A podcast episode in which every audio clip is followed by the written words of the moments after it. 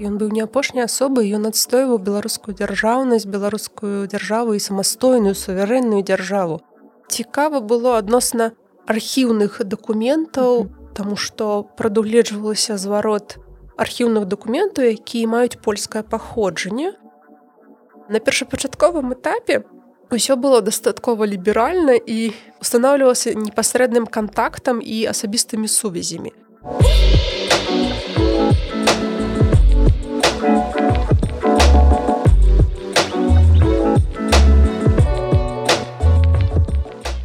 Добры дзень шаноўнае гаспадарства з вами падкаст так склалася гістарычна я дзягель Ганна. Я вітаю вас чарговы раз у чарговым нашым выпуску. І сёння у нас у гасцях кандыдат гістарычных навук гісторык ольга бароўска вітаю ольга добрый дзень усім. Дякую вялікі што знайшла час прыйсці ў госці у мой падкаст. Я волю ведаю вельмі даўно. Мы з ёй вучыліся ў адной групе і вельмі усцешана што такі дасведчаны чалавек працягвае займацца гісторыяй беларусі гісторыі нашай краіны. Воля расскажы калі ласка у чым твоя спецыялізацыя? У першую чаргу дзякую за запрашэнне. А по-другое моя спецыялізацыя я займаюся савецка-польскімі адносінамі і беларуска-польскімі адносінамі міжваеннага перыяду. І ўсё ж такі гэта хутчэй вывучэнне месца беларускага пытання ў вось гэтай двухбаковых адносінах РСФСР пасля ССР і польскай рэспублікі. Як разглядалі беларускае пытанне, як бачылі будучую беларускую дзяржаўнасць ці прызнавалі яе ў якасці легітымнай абодва бакі і вось гэтая асноўная тэматыка мяне не цікавіць. Я так разумею, што калі мы абмяркоўвалі план нашай размовы, мы будзем сёння размаўляць менавіта пра час пасля вось савецка-польскай вайны альбо е фінальны этап мірнай перамовы. Так сапраўды, таму што пра ваенныя дзеянні, як штурхаліся войскі чырвонай арміі войска-польска аб гэтым больш-менш напісана, Але вось адносна як вяліся перагаворы паміж бакамі і як разглядалася беларускае пытанне аб гэтым мала дзе напісана і мала дзе вывучана і таму я хачу аб гэтым распавесці і акцэнтаваць увагу непасрэдна на беларускія землі і беларускую праблематыку. Ну, давай уласна кажа перайдзем да абмеркавання. Калі пачаліся вось гэтыя савецка-польскія перамовы ці правильно казаць савецка-польскія перамовы да правильно казаць савецка-польскі тому что ініцыятарам усё ж выступіў савецкі бок пра сфср тому что менавіта яны пачалі налажваць кантакты з польскімі кіруючымі коламі каб сесці за стол перагавораў і пачаць агучваць свае прэтэнзіі агучваць свае планы праекты адносна літоўска-беларуска-украінскага абшару. Таму што тое што яны ведалі з разведкі або з перыядычнага друку гэта было недастаткова. Патрэбна было вось гэта агучыць на што прэтэндавалі палякі на што прэтэндавалі савецкая Расія і што у якім чынам павінна будзе быць вось гэтая Беларусі беларускія землі якім чынам будзе рэалізаваны ў будучым. І першапачаткова патрэбна казаць ужо з студзеня 1919 года калі пачынаюцца нотныя перапіскі у якіх агучваюцца вось гэтай прэтэнзіі на беларускія літоўскія і украінскія землі.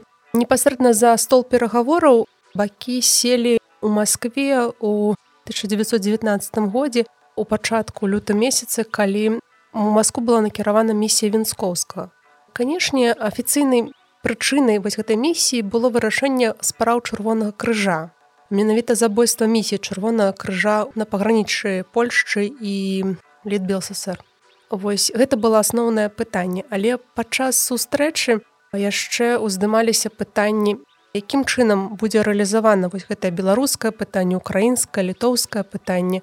І вось бакіт канешне не прыйшлі да нейкага кампрамісу тады але яны агучылі свае вось прэтэнзіі выказалі адзін аднаму і яны раз'ехаліся зразумела вінскоўскі паехаў варшаву і ён пасля другі раунд перагавораў ён ужо быў восенню 1919 года.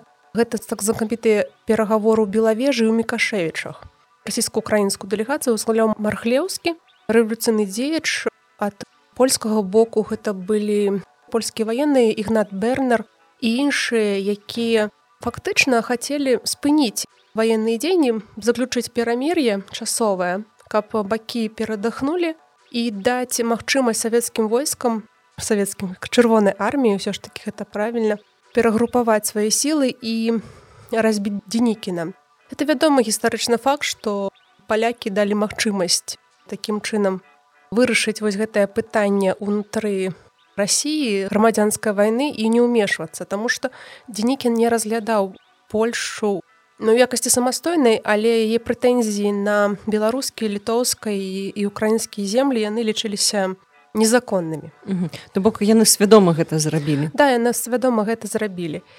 І вось тады на перагаворах у белавежу мікашевічах адразу было зразумела што Беларусь гэта унутраная справа рассіі то есть нейкая самастойнасць і нейкія планы па рэалізацыі літоўскай ці украінскай карты яны яшчэ былі. То есть для беларускага пытання ўсё ж таки адводзілася унутранай справы рассіі як яшчэ раз паўтаруся. Канешне гэта не вельмі спрыяльна дзейнічала для нас і для беларускага нацыянальнага руху.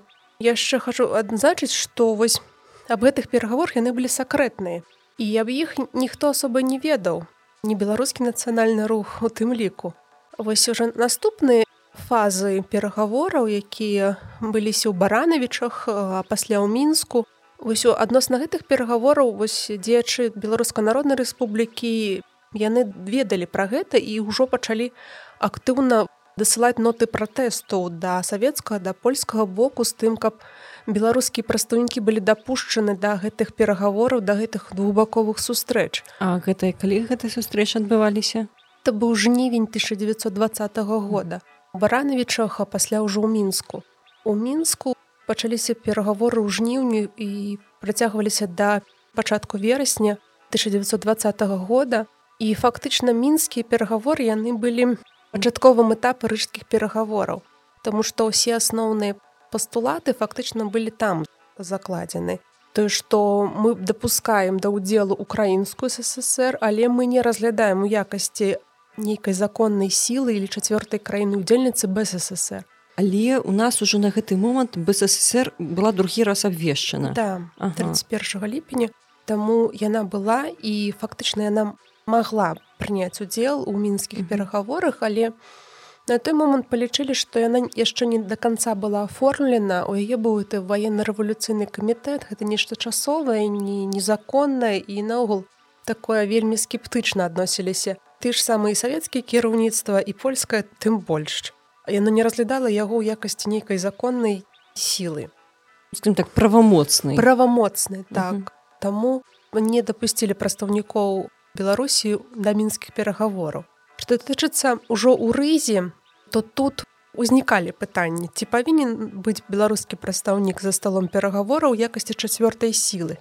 Ці ўсё ж такі мы абмяжуемся варыянтам перадачы мандата навядзенне перагавораў і заключэнне нейкіх дагавораў дамоў і пытанняў аб абмена ваеннапалонных іншых пытанняў мы перададзім вось гэты мандат РСФСР. Тут не было так адназначна. Вось у беларускай гістарыяграфіі доўгі час лічылася што ўсё было адназначна. 10 верасня 1920 года ВРК БССР перадаў мандат РСФСР на вядзенне перагавораў. Аднак як показалі новыя архіўныя крыніцы у тым ліку архіва знешняй палітыкі расійскай федэрацыі што мандата было два. 10 верасня як я казала і 16 верасня мандат 16 верасня мы фактычна уводзіў бСр у якасці чацвёртай краіны удзельніцы і тут вось расійска-украінская дэлегацыя якую узначальваў іоф меў на руках два вось гэтых мандаты. Ён паехаў у рыгу з двумя мандатамі І акрамя гэтага ў рыгу былі накіраваны беларускія прадстаўнікі чарвякоў і з сакратаром клішэўскім. Першапачаткова разглядалася асоба ігнатоўскага. Таму што ўсе валады да, ўсе валады Макаравіча ігнатоўскага, але палічылі, што ён больш незалежны, скажем так, і ён можа прасоўваць нейкую сваю незалежную ідэю, ну, не прытрымлівацца партыйнай дысцыпліны. І таму ўсё ж такі асоба чарвякова была выбрана ў канчатковым выглядзе. Я хочу сказаць, што чарвякоў гэта такая значная дастаткова асоба для беларускай дзяржаўнасці савецкай.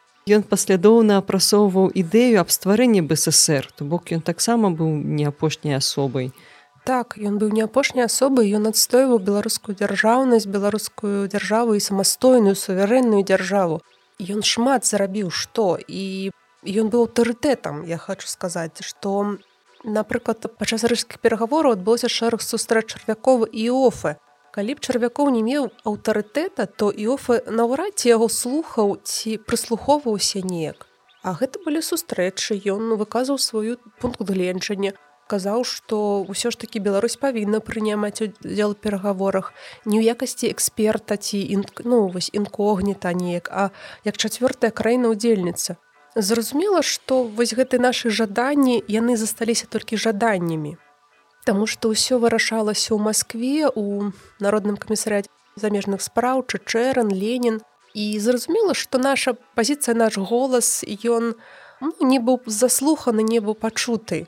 А як гэта чарвякоў перажываў? Ён быў у рызе быў на гэтых перамовах і не мог ніяк на гэта паўплываць. Як ён гэта да, гэта асабістая трагедыя Таму што ў яго ўспамінах ён пасля пісаў што я здымаю себе всякую адказнасць за тое што адбываецца ў рызе Таму што ён не мог на гэта неяк паўплываць. Для яго гэта была відаць асабістая трагедыя.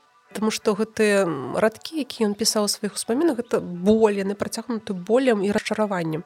І ну зразумела што ён думаў што гэта вымушана часовая мера і што хутка наступіць сусветная рэвалюцыя і што вось гэтыя межы якія будуць усталяваны ў рызе які падзеляць Беларусь украіну яны ну часовыя іх хутка наступіць рэвалюцыя сусветна і ўвогуле не будзе ніякіх дзяржав да, і вось гэта ўсё але я падай думаю што ўсё ж такі чарвяркоў добра разумеў што гэта не часовая мера і што гэта сапраўды вялікай болі вялікая трагедыя для беларускага народа што яна будзе раз'яднана і падзелена і Я скажу, што чарвякоў, нягледзячы на сваю вось гэтую арыентаванасць сацыялістычную, сустракаўся з дзеячам беларуска народнай рэспублікі, які ў той час таксама знаходзіліся ў рызе.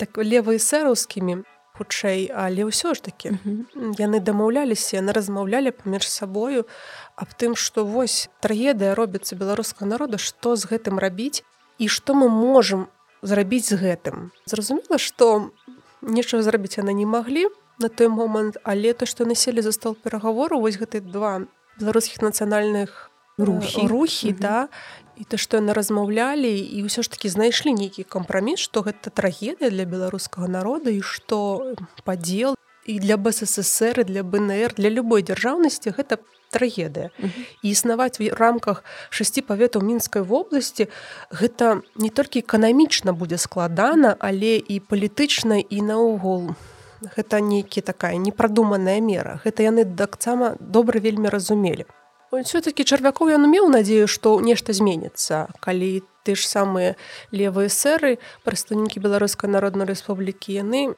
не мелі на гэтую надзею яны актыўна пратэставалі пасылалі мемарандумы і да парыжскай мірнай канферэнцыі і да савецкага кіраўніцтва. І гэта было дастаткова праблемным пытаннем але патрэбна ўзгадаць сустрэча ластоўскага з прадстаўнікамі польскай дэлегацыі з лёнам васілеўскім норбатам барліцкім гэта так званыя пілсудчыкі ну сацыялісты по факту. І ластоўскі хацеў таксама неяк паўплываць на працэс перагавору праз вось гэтых прадстаўнікоў блізкіх по духу палітычна ідэалагічна але той ж самы васілеўскі барліцкі далі зразумець што нават яны не вельмі могуць паўплываць на тое што робіцца ў рызе то есть у іх ёсць пэўныя дыпламатычныя інструкцыі якім выдаў міністэрства замежных спраў польшчы. І ў гэтых інструкцыях Беларусь не разглядаецца у якасці цельнай адзінкі. Ўсё ж такі яны баранілі польскія інтарэсы інтарэсы польскай дзяржавы. І таму вось беларуская карта ўжо была прайграна тады.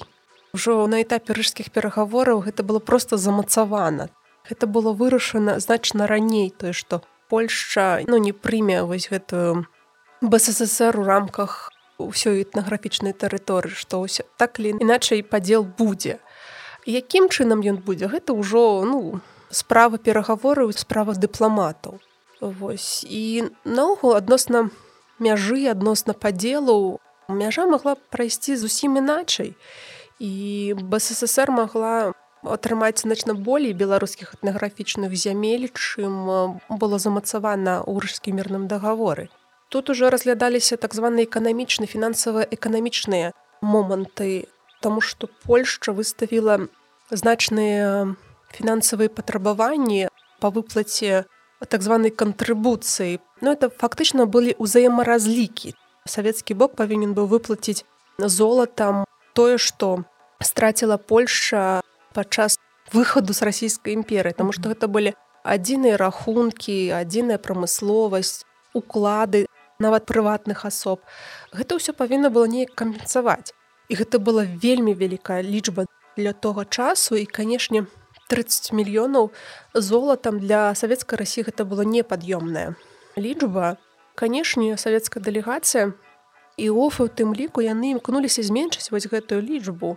А за кошт чаго можна яе зменшыць? За кошт таго што мы дадзім вам болей тэрыторый і таму вось гэтую лінію якая была замацавана ў прэлімінарным мірным дагаворы яе прапанавалі польская дэлегацыя І фактычна савецкі бок просто пагадзіўся на тое, што яны прапанавалі.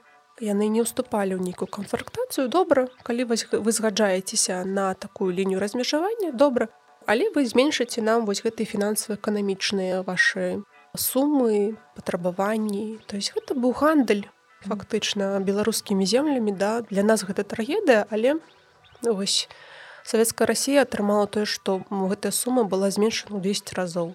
То бок можна сказаць што хто дамінаваў падчас гэтых перамоваў? Які бок?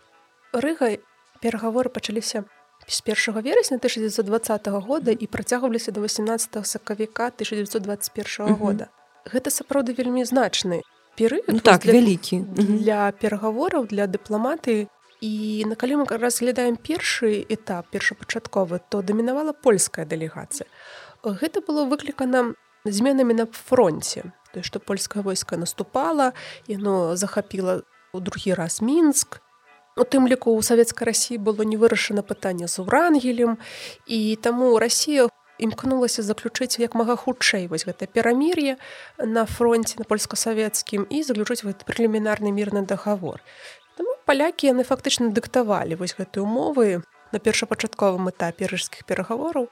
Калі мы глядзім ужо на другім этапе гэта ўжо пасля 12 кастрычніка 1920 года калі спыніліся ваенныя дзеянні калі было сталявана нейтральная такая зона паміж бакамі калі пачаўся вывод польскіх войскаў. Пасля гэтага канешне нейкае дамінаванне пераходзіць да расійска-украінскай дэлегацыі. Яна пачынае пакрыху прасоўваць ідэю змянчання вось гэтых фінансава-эканамічных патрабаванняў. Па-другое яны імкнуліся нейкім чынам змяніць вось гэтую канфігурацыю мяжы. 30-60 кіламетраў.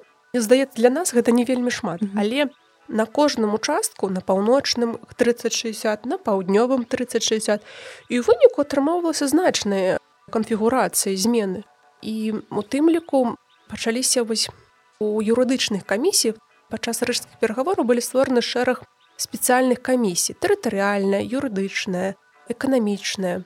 І вось у рамках юрыдычнай камісіі гэта поспех для расійскай украінскай дэлегацыі тое што яны замацавалі тыя асновы ты ж сама птацы польскага грамадзянства. Яны былі прадыктаваны расійска-украінскай дэлегацыяй а рэпатрацыі насельніцтва вось гэтыя асноўныя юрыдычныя моманты яны пылі прадыктаваны расійска-украінскай дэлегацыяй тому што у складзе гэтай дэлегацыі было шмат юрыстаў шмат экспертаў у тым ліку і печэта ён быў не толькі гісторык але і вельмі добры юрыст mm -hmm. А вось рэпатрыяцыях каго мелася рэпатрыяваць? Рэпатрацыя ну гэта разглядалася праблема ваеннапалонных, праблема бежанцаў, праблема грамадзянскіх палонных. І вось гэтае насельніцтва, якое знаходзілася на тэрыторыі расійскай дзяржавы, якое хацела вярнуцца на тэрыторыю Польшы, якое магло даказаць сваё польскае паходжанне, яно мела права вярнуцца так звана абціраваць польскае грамадзянства. Mm -hmm. Для гэтага патрэбна было прадаставіць дастаткова значны спіс дакументаў і даказаць тое, што ты па бацькоўскай матчанай лініі паляк. Mm -hmm. Гэтыя асновы яны былі закладзены ў рыжскім мірным дагаворы і вось гэтая фармулёўка і хто мае права хто не мае права mm -hmm. гэта ўсё фармулявалі непасрэдна юрысты расійско-украінскай mm -hmm. дэлегацыі і там сапраўды дастаткова ёмкія фармуліроўкі што ўжо пасля заключэння мірнага дагавору калі пачалося выкананне дагаворных асноў было складана нешта супрацьпаставіць ці неяк знайти нейкую лазейку ці неяк фармпратаваць да імпратаваць вось гэтую тому что гэта было так дастаткова дакладна і дастаткова ёмка что ну гэта толькі пахвала тым спецыялістам якія яго распрацоўвалі Ну і ў выніку 18 сакавіка як мы ведаем 1921 года быў заключаны рыжскі мірны дагавор по якому бССР не падпісвала мы яго ведаем дакладна але у ад яе падпісваў РСФСР па мандату 10 верасня. Яшчэ раз спынюся адносна вось гэтага мандата. Чаму ўсё ж такі офы не выкарыстаў мандат 16 верасня, а выкарыстаў мандат 10 верасня. Падчас неафіцыйнай сустрэчы двух старшынь і офа і домскага ну польскай дэлегацыі гэта пытанне было ўзнята. І польскі старшыня ён сказаў, што мы не хочам ламаць вось гэтую сістэму, якая была замацавана падчас мінскіх перагавораў. Тогда значит уводзіць чацвёртую краіну в ССР было ну не то что невыгодна неправільным во-первых яны не лічылі орган партыйнай меншасці яны разглядалі ВРК БССР як орган партыйнай меншасці то есть яны не разглядалі яго ў якасці легітымнага органа. Mm. то есть садзіць яго за стол перагавораў таксама яны не лічылі мэтазгодным тым больш боль мне здаецца як пісаў Іоф Ччэрану беларусы маглі паламаць усе нашы схемы. Ну яны ж не едуць у рыжу з голымі лістом паперы гэта ўжо нейкія планы былі нейкія напрацоўкі якім чынам разглядаць тое ці іншае пытанне у тым ліку беларускае пытанне. І калі сядзе беларускі прадстаўнік гэта па-першае зацягне працэс. Як я казала расійская украінская дэлегацыя імкнулася як мага хутчэй заключыць перамір'е было напісана ў пяцідзённы ў дзесяцідзённы тэрмін то есть мага як мага хутчэй Таму што перамір'я для іх была вельмі актуальнай справай Таму вось выніку разглядалі мандат 10 верасня 1920 года. І ССР была проста як у якасці кансультанта вось чарвякоў знаходзіўся там у якасці кансультанта па беларускім пытанням. Да такім чынам заключілі договор якія яго былі асноўныя палажэнні ну якія першую чаргу тычыліся беларусі нашага пытання? Што ў гэтым дагаворы прадугледжвалася для беларусі? Ось да цікавым момантам з'яўляецца тое што ў першую чаргу калі гаворыць пра рыжскі мірны дагавор все ж такі ўзгадваюць усталяванне новай мяжы. Да але ніхто э, не кажа аб тым што рыжскі мірны дагавор нёс для беларусі і некалькі іншыя. То есть усе пункты дагавор распаўсюджваліся і на бССР. Трэба гэта канстатаваць. У тым ліку і юрыдычныя і эканамічныя і палітычныя. Усе моманты дагаворы яны распаўсюджваліся і на бССР а не толькі мяжа былі асноўны тым ліку і аптацыя польскага грамадзянства. Жыхары бССР мелі права аптировать польскае грамадзянства у выніку. У тым ліку было замацавана, што савецкі бок павінен э, рэвукуіраваць маёмасць, якая была эвакуіравана з польскіх зямель падчас першай сусветнай вайны. прамысловыя прадпрыемствы, тым ліку маёмасць і так далей. У тым ліку гэта маёмасць знаходзілася і на беларускіх землях. Прывяду прыклад фабрыкі чуднара, лесапільная фабрыка. Яна знаходзілася першапачаткова у беластоку пасля з наступленнем нямецкіх войск на пераехал у мікашевічы а пасля пераехала ў мазыр. І зразумела маёмасць гэтай фабрыкі яна была размеркавана паміж іншымі лесапільнымі заводамі горда гомелі і мазыра. Дакладна установіць што на якія заводы было ўсталявана было дастаткова складана на гэта патрабавалася два гады шло следства У выніку вырашылася, што гэтая маёмасць павінна будзе звернута польскаму боку. Хаця юрыдычна з юрыдычнага пункту гледжання Беларусь магла не аддаваць яго. Таму што ў рыжскім мірным дагаворы было прапісана, што калі маёмасць завода ці фабрыкі была мадэрнізавана, то гэта ўжо не падлягала рэвакуацыі. Але з пункту гледжання палітычнага савецкаму боку было выгадна аддаць вось гэтае абсталяванне, а не аддаваць іншае. То есть гэта быў кампраміснае рашэнне. Але ну не на карысць беларускага боку. Гэта толькі адзін прыклад фабрыка шарашэўскага таксама была эвакуіравана і шмат іншых пытанняў маёмасці цікава было адносна архіўных дакументаў, таму што прадугледжвалася зварот архіўных дакументаў, якія маюць польскае паходжанне. Канешне, узнікла в адносна літоўскай метрыкі палякі выставлялі не толькі на каронную метрыку але на літоўскую метрыку вось але вось гэтыя прэтэнзіі палякаў яны былі зняты што літоўская метрыка яна некім чынам не звязана з польскай тэрыторыі польскай гісторыі гэта цалкам звязана з гісторыяй беларусі літвы. І таму канешне палякі не атрымалі ніводнай справы з літоўскай метрыкі. Але акрамя гэтага палякі атрымалі больш 26 тысяч архіўных спраў які датычыліся навагрудскага пінскага паветаў якія дышлі да тэрыторыі польскай дзяржавы. А то бок атрымлівалі тым ліку тыя дакументы якія адносіліся да тых тэрыторый якія цяпер лічыліся не этнаграфічныя польскія землі mm -hmm, ты маглі быць і беларускія землі але якія былі ўключаны ў склад польскай дзяржавы. Mm -hmm. і справа з тым што архіўны дзеяч міхась мелешка ён імкнуўся адабраць дакументы такім чынам каб усё ж такі аддаць менш каштоўных дакумента mm -hmm. больш каштоўныя пакінуць сабе і гэта яго заслуга Таму што ён не хацеў пускаць нават польскую дэлегацыю у мінскі гістарычны архіў ён казаў што калі палякі выдаць у сховішчы і пабачыць што там за дакументы ну ўсё сабе забяруць і вывезуць А ён быў супраць гэтага. І ён першапачаткова правёў вось гэты адбор замкнуў ну, дакументы, якія ён не хацеў аддаваць. І палякаў пусціў толькі ў тое памяшканне, дзе былі адабраныя дакументы. была хітрасць з яго боку, але яна захавала для нас каштоўныя архіўныя дакументы для БССР. Вось, і яны не ўсе дакументы перадалі, якія павінны былі перадаць сходна з рэшткі мірнаму дагавору.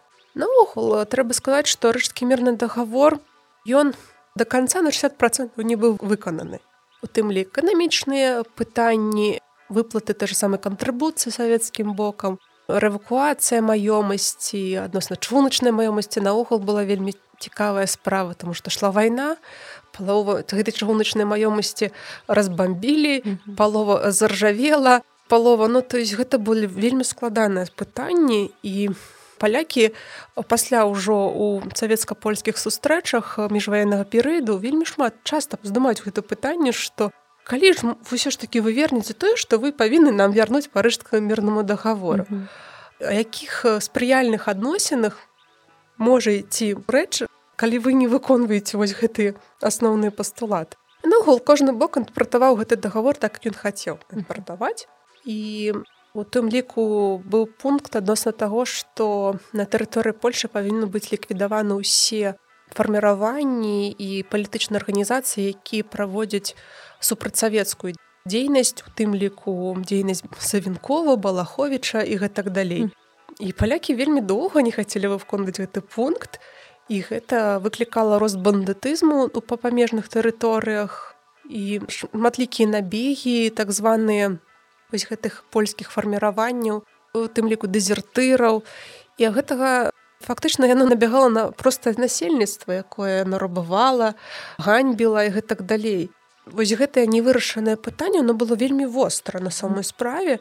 І толькі ў кастрычніку 1921 года было знойдзены нейкі кампраміс што польша пагадзілася што мы ліквідуем усе гэтыя палітычныя арганізацыі гэта фактычна сакавіка па кастрычнік. Mm -hmm. то есть то што напісана было ў рыжскім мірным дагаворы гэта не факт што яно было выконвалася. У тым ліку вось гэтая мяжа як так званая. То есть да 1924 года ніякай мяжы фактычнай не было. То есть до 24 года працавала змешаная пагранічная камісія якая займалася установкай правядзеннем вось гэтай мяжы якая была гаворана ў дагаворы на мясцовасці. Установка пагранічных слупоў і гэтак далей непасрэдна вось установка ваенных слупоў займаўся корпус ваенных тапографаў які быў у складзе чырвонай арміі і у тым ліку польская таксама быў такой аналагічны корпус у войскі польскім фактычна змешаная пагранічная камісія вырашала вось такі спрэчныя пытанні як разглядаць напрыклад той ці іншы населены пункт які знаходзіўся напрыклад недалёка ад лесу ці каля рэчкі вось такі спрэчныя моманты таму што ўсё ж такі нягледзяч на тое што канфігурацыя мяжы была апісана больш-менш дэталёва вось на мясцовасці калі прыязджалі ў канкрэтную мясцовасць узнікалі шматлікія пытанні якім чынам павінна прайсці гэта мяжа? Вёску добра адыходзяць да савецкага боку. А паша ад гэтай вёскі mm -hmm. а лес вось гэтай вёскі ён каму пераходзіць палякам ці ён будзе ўключаны ў савецкую тэрыторыю так званы марачанскія лугі ну гэта такая цікавая справа што яна на нават адбілася ў нотнай перапісцы паміж бакамі што вось гэтыя вялікія марачаны малыя марачаны малыя адыходзілі савецкаму бокам вялікія марачаны адыходзілі польскаму боку. А лугі кому павінны адысці і вось ішла вялікая перапіска нават мясцовае насельніцтва звярталася да кіраўніцтва бСр да чарвякова нават пісалі збіралі петыцыі подпісы каб усё ж такі лугі как як жу лугі мы тых працоўвалі пашы нашы Ну і было знойдзена кампраміснае рашэнне што вы гэты лугі пашы яны вы можете сабраць ураджай але на наступны год вы іх не засяваеце яны аддаюцца польскому боку. Ну да, гэта была трагедыя, маленькая трагедыя для асобнай вёсцы. І там былі складанасці адносна вызначэннем мяжы на памежжы віленскай віцебскай губерню. Таксама не вельмі канкрэтызавана была мяжа, якім чынам павінна праходзіць яна вось на гэтым трохкутніку. І таксама шмат сустракаліся, нават прапаноўвалі праводзіць нейкі этнаграфічны перапіс. Ну ўсё ж такі вырашылі, што частка ну, там не то што вёскі былі там было вось гэта лясное уходдзе вялікае. І вось было вырашана што она будзе перадана Польшчы. Ну гэта была вельмі складаная праца было прыцягнуна вельмі шмат экспертаў паднятыя архіўныя дакументы. Таму вось бакі імкнуліся найти вось гэтай кампраміснае нейкае рашэнне каб мяжа ўсё ж такі яна была больш-менш зручная для выкарыстання. Таму што правесці мяжу па зямельных угоддзях ці па рацэ яна была ну вось па рацэ канешне было легчай правесці мяжу чым па зямельнаму годдзе ці па лесе ці па лесе да. пушчы там нейка Такім чынам у нас вось былі нейкія камісіі якія кожнае пытанне распрацоўвалі і ажыццяўлялі кожнае пытанне рыжскай мірнай дамовы. А які яшчэ акрамя дэмаркацыйнай працы акрамя вось эвакуацыі маёмасці я так разумею яшчэ нейкая камісія была по вяртанню польскіх грамадзян а якія яшчэ пытанні разглядаліся ну камісіі было змешаная пагранічная камісія зразумела да камісія па рэпатрыяцыі яна займалася не толькі рэпатрыяцыі але і аптацыі аптацыі насельніцтва рэвакуцыйная і спецыяльная камісія рэвакуцыйная займалася зваротам польскай маёмасці тым ліку ну прадугледжвалася што і савецкая маёмасць у прынцыпе магла звяртацца але я не памятаю такого выпадка mm -hmm. вось і спецыяльная камісія яна прадугледжвалася ад звароце культурных каштоўнасцяў рарытэтаў тым ліку бібліятэкаў архіваў і гэтак далей вось гэтая камісія на вельмі для беларусі мела важнае значэнне mm -hmm. ну рэкурцыйная таксама рэвакуацыйная таксама была польска-расійско-украінская ваенная ўзгадняльная камісія Яна была створана ўжо адразу пасля заключэння прэлімінарнага мірнага дагавору, Таму што яна павінна была усталяваць нейтральную зону паміж бакамі і сачыць за вывадам польскіх войскаў з той тэрыторыі, якая даходзіла да БССР. Яе праца была вельмі складаная, таму што палякі вельмі марудзілі з вывадам сваіх войскаў. І тым ліку там далучаліся балахоўцы, савінкоўцы і гэта была вельмі складаная праца яшчэ была створана камісія па ліквідацыі ваенных інцыдэнтаў. Гэта зноў такі было звязана непасрэдна з так званым палітычным бандытызмам, які існаваў на памежнай тэрыторыі. Вось гэтая камісія павінна была разглядаць вось гэтыя пытанні. Ці гэта ўсё ж такі палітычны бандытызм, ці гэта просты эканамічны бандытызм, які быў звычайнай справай пасляваенны час, калі ўсё ж такі у насельніцтва была зброя і ну так это... шмат дэзертыраў было то есть это звычайныя справы вось камісія павінна было разглядаць вось гэтыя справы ўсё ж такі гэта нейкія эканамічныя моманты ці все ж такі палітычныя моманты гэтага бандытызму і ўсё ж такі кіраўніцтва Польшчы мае да гэтага нейкай вес. І само накіроўвала вось гэтых бандытаў у глыб тэрыторыі то есть гэтая камісія разглядала вось гэтыя справы. Але по факту адбылося толькі два паседжання. Фактычна было вырашана што некага бандытызму няма што гэта ваш унутраная справа што палякі яны зрабілі ўсё каб вось ліквідаваць вось гэтыя бандыцкія у двухкосці арганізацыі тым ліку арганізацыі савенкава інтэрніравалі балахоўцаў. І то есть палякі яны зрабілі ўсё магчымае каб вось гэтых інцыдэнтаў не было. І таму існаванне вось гэтай камісіі ну, ну нелагічна акрамя вось гэтых камісій яшчэ было шэраг пунктаў звязаных з эканамічным з наладжваннем эканамічнага жыцця паміж краінамі таму што ўсё ж такі краіны гандлявалі і вось просто абрубіць вось гэтыя моманты было нельга. Вот гэтыя эканамічныя сувязі паміж бакамі. І згодна рыжскім мірным дагаворам прадугледжвалася заключэнне гандлёвага дагавора які павінен быў бы нармалізаваць вось адносіны паміж бакамі але гэты дагавор по факту быў заключаны толькі ў тридцатые гады пасля дагавора аб ненападзенні паміж бакамі. Да гэтага бакі гандлявалі паміж сабой не маючы нейкай дагаворнай асновы.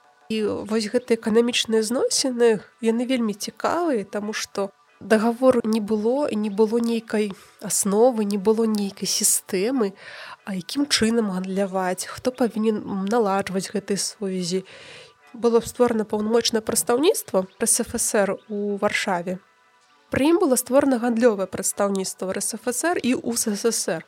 То есть мы разумеем, што прадстаўніцтва БССР не прадугледжвалася. Але да яго стварэння БССР само усталявала зносіны з камерцыйнымі польскімі таварыствамі. Брытаполь, паланцін. Гэта яшчэ да таго, пакуль РСФСР вось наладжвала вось гэты дыпламатычны працэс. То есть фактычна два гады беларускае кіраўніцтва гандлявала з палякамі прыносіла карысці беларускай эканомікі.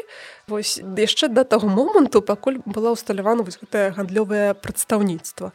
Ого, то бок нават не з дзяржавай а нейкім чынам з непасрэднымі фірмамі да, гэта было з ініцыятыва знізу польскім камерцыйным арганізацыям выдавалася права на экспарт мясцовай саравіны асноўным лесу але і пушніны мясцовай саравіны на экспорт этой саравіны а таксама на увоз на імпорт ну, основных прамысловых тавараў польскіх не толькі польскіх нямецкіх французскіх это пасля ўжо у 22 годзе было рэгламентавана што гандлёвае прадстаўніцтва у Польшчы можа толькі займацца імпартам непасрэдна польскіх тавараў фактычна то есть гандлёвае прадстаўніцтва ў германії павінна займацца імпартам нямецкіх тавараў то есть так адбылася нейкая рэгламентацыя вось гэтага працэсу А на першапачатковым этапе ўсё было дастаткова ліберальна і устанаўлівалася непасрэдным кантактам і асабістымі сувязямі. Прыехаў прадстаўнік брытаполя, ён устаналяваў сувязі з народным камісавярятам знешняга гандлю, з управленнем упаўнаважанага народнага камісарята знешняга гандлю РСФСР прэсынка або ССР. Гэта дастаткова складаная назва, але яго каротка называюць белзнеш гандаль. Вось асабіста нейкі сустрэчы заключылі дамову і вялі гандаль на падстаўку на вываз ўжо пасля калі адбылася пэўная рэгламентацыя 22 годзе жніўні 22 года узнікла пытанне а нашто нам беларускія прадстаўнікі ў варшаве што мы самі не спраўляюся і вось тады беларускага прадстаўніка яны адправілі на радзіму і ўсімі пытаннямі фактычна экспарту займаліся гандлёва прадстаўніцтва РСФСР. І наладжванне эканамічных сувязяў яно было вельмі такой складанай справай тому что напрыклад савецкае кіраўніцтва хацела праз тэрыторыю польшчы транзітам дастаўляць нямецкія тавары з чахаславакі з аўстры палякі былі супраць наладжвання транзіту праз ёю тэрыторыю хоць гэты момант быў агавораны ў рыжскі мірным дагаворы што павінен быць наладжаны вось гэты транзіт і польшча павінна якасна спрыяць вось гэтаму пытанню у тым ліку пытанне транзіту распаўсюджвалася і па транзіту нашага лесу па рацэнёман тут яшчэ умешвалася так званая літоўская праблематыка тому что літоўцы былі не супраць прапусціць вось гэты наш лес пра сваю тэрыторыю але тут умешваліся палякі а мы супраць як жа ж так? Вось і таму спытанне з лесам было вельмі складаным. Нават лес не па нёману дастаўлялі дастаўлялі чараз станцыю не гарэлая вось праз тапцы дастаўлялі а пасля перагружалі на іншую чыгунку і дастаўлялі ўжо па водных шляхах далей. Это было эканамічна немэтазгодна і невыгадна нашим экспарцёрам Ну яны вымушаны былі мірыцца з тымі умовамі які існавалі на той момант Да, складана, канешне. А да якога часу вось актыўна дзейнічалі тыя камісіі па рэалізацыі умоваў рэчскай мірнай дамовы і калі гэтая праца ну скажем так сышла на нет.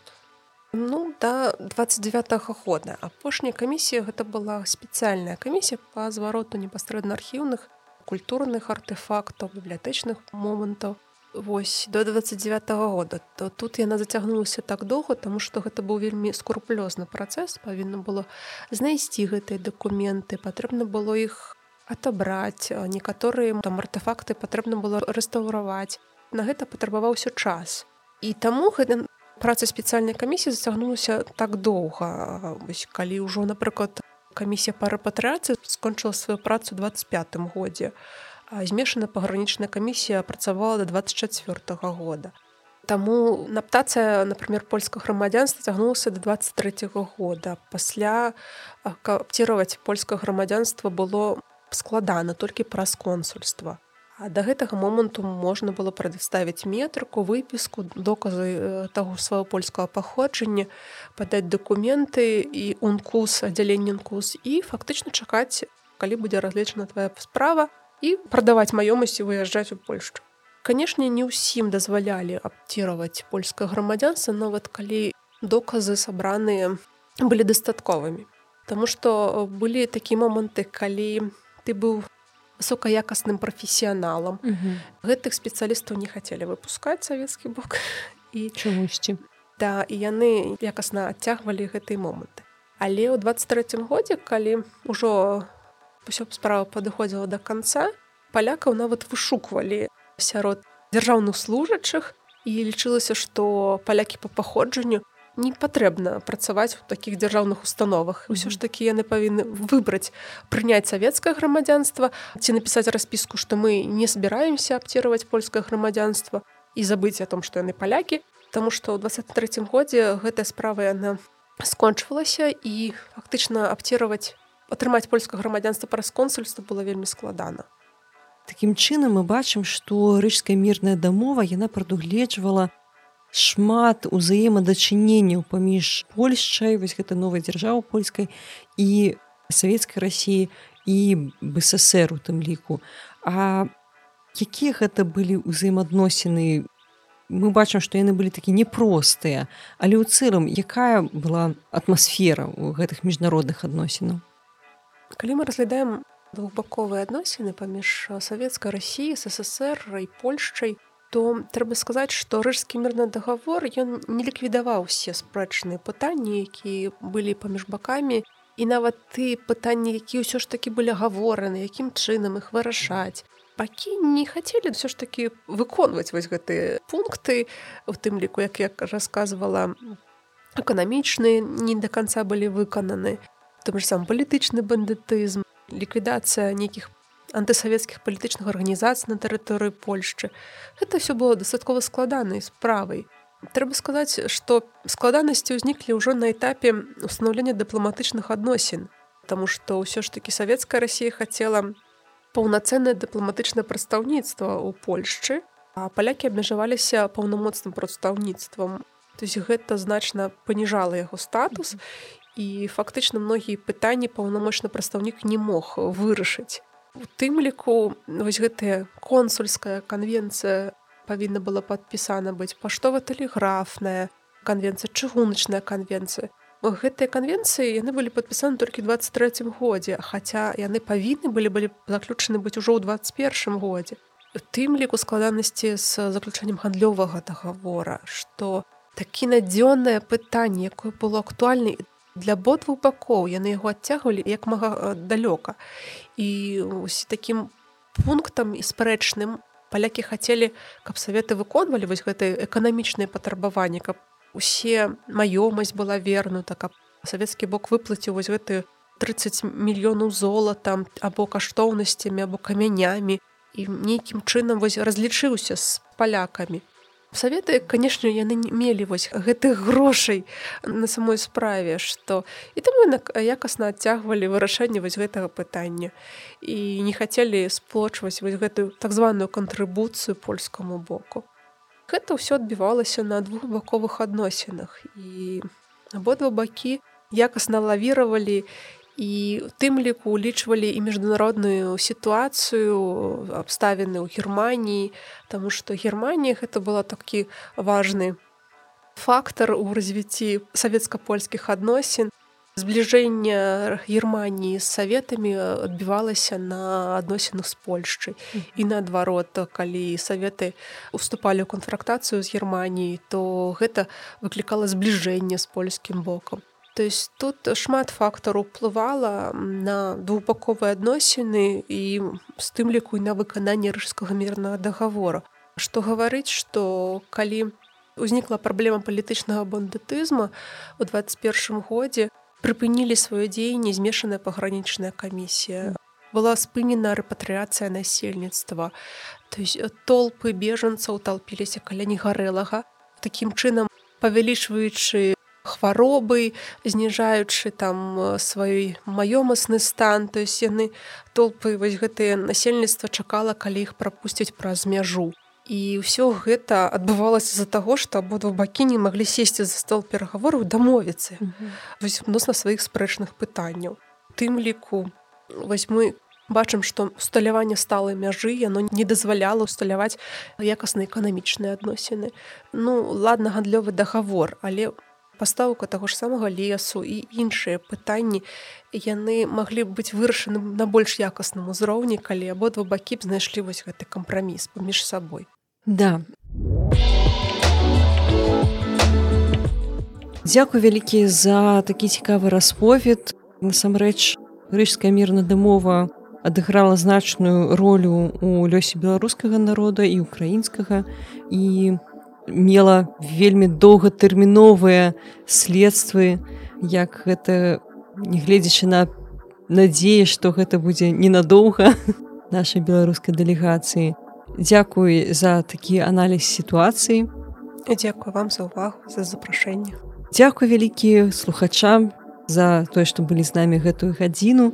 І я шчыра запрашаю вас чытаць кнігі манаграфіі ольгі бароўскай назва я оставлю опісанні калі вас будзе цікавасць. І артыкулы яе які она выдае і дастаткова цікавая на вельмі высокім навуковым узроўні зробленыя я запрашаю вас подписывацца на соцсеткі якія ёсць у подкасту таксама будуць спасылкі у нізе. І я шчыра удзячная спонсорам патронам а на платформе патрыён якія падтрымліваюць подкаст свай капейчынай.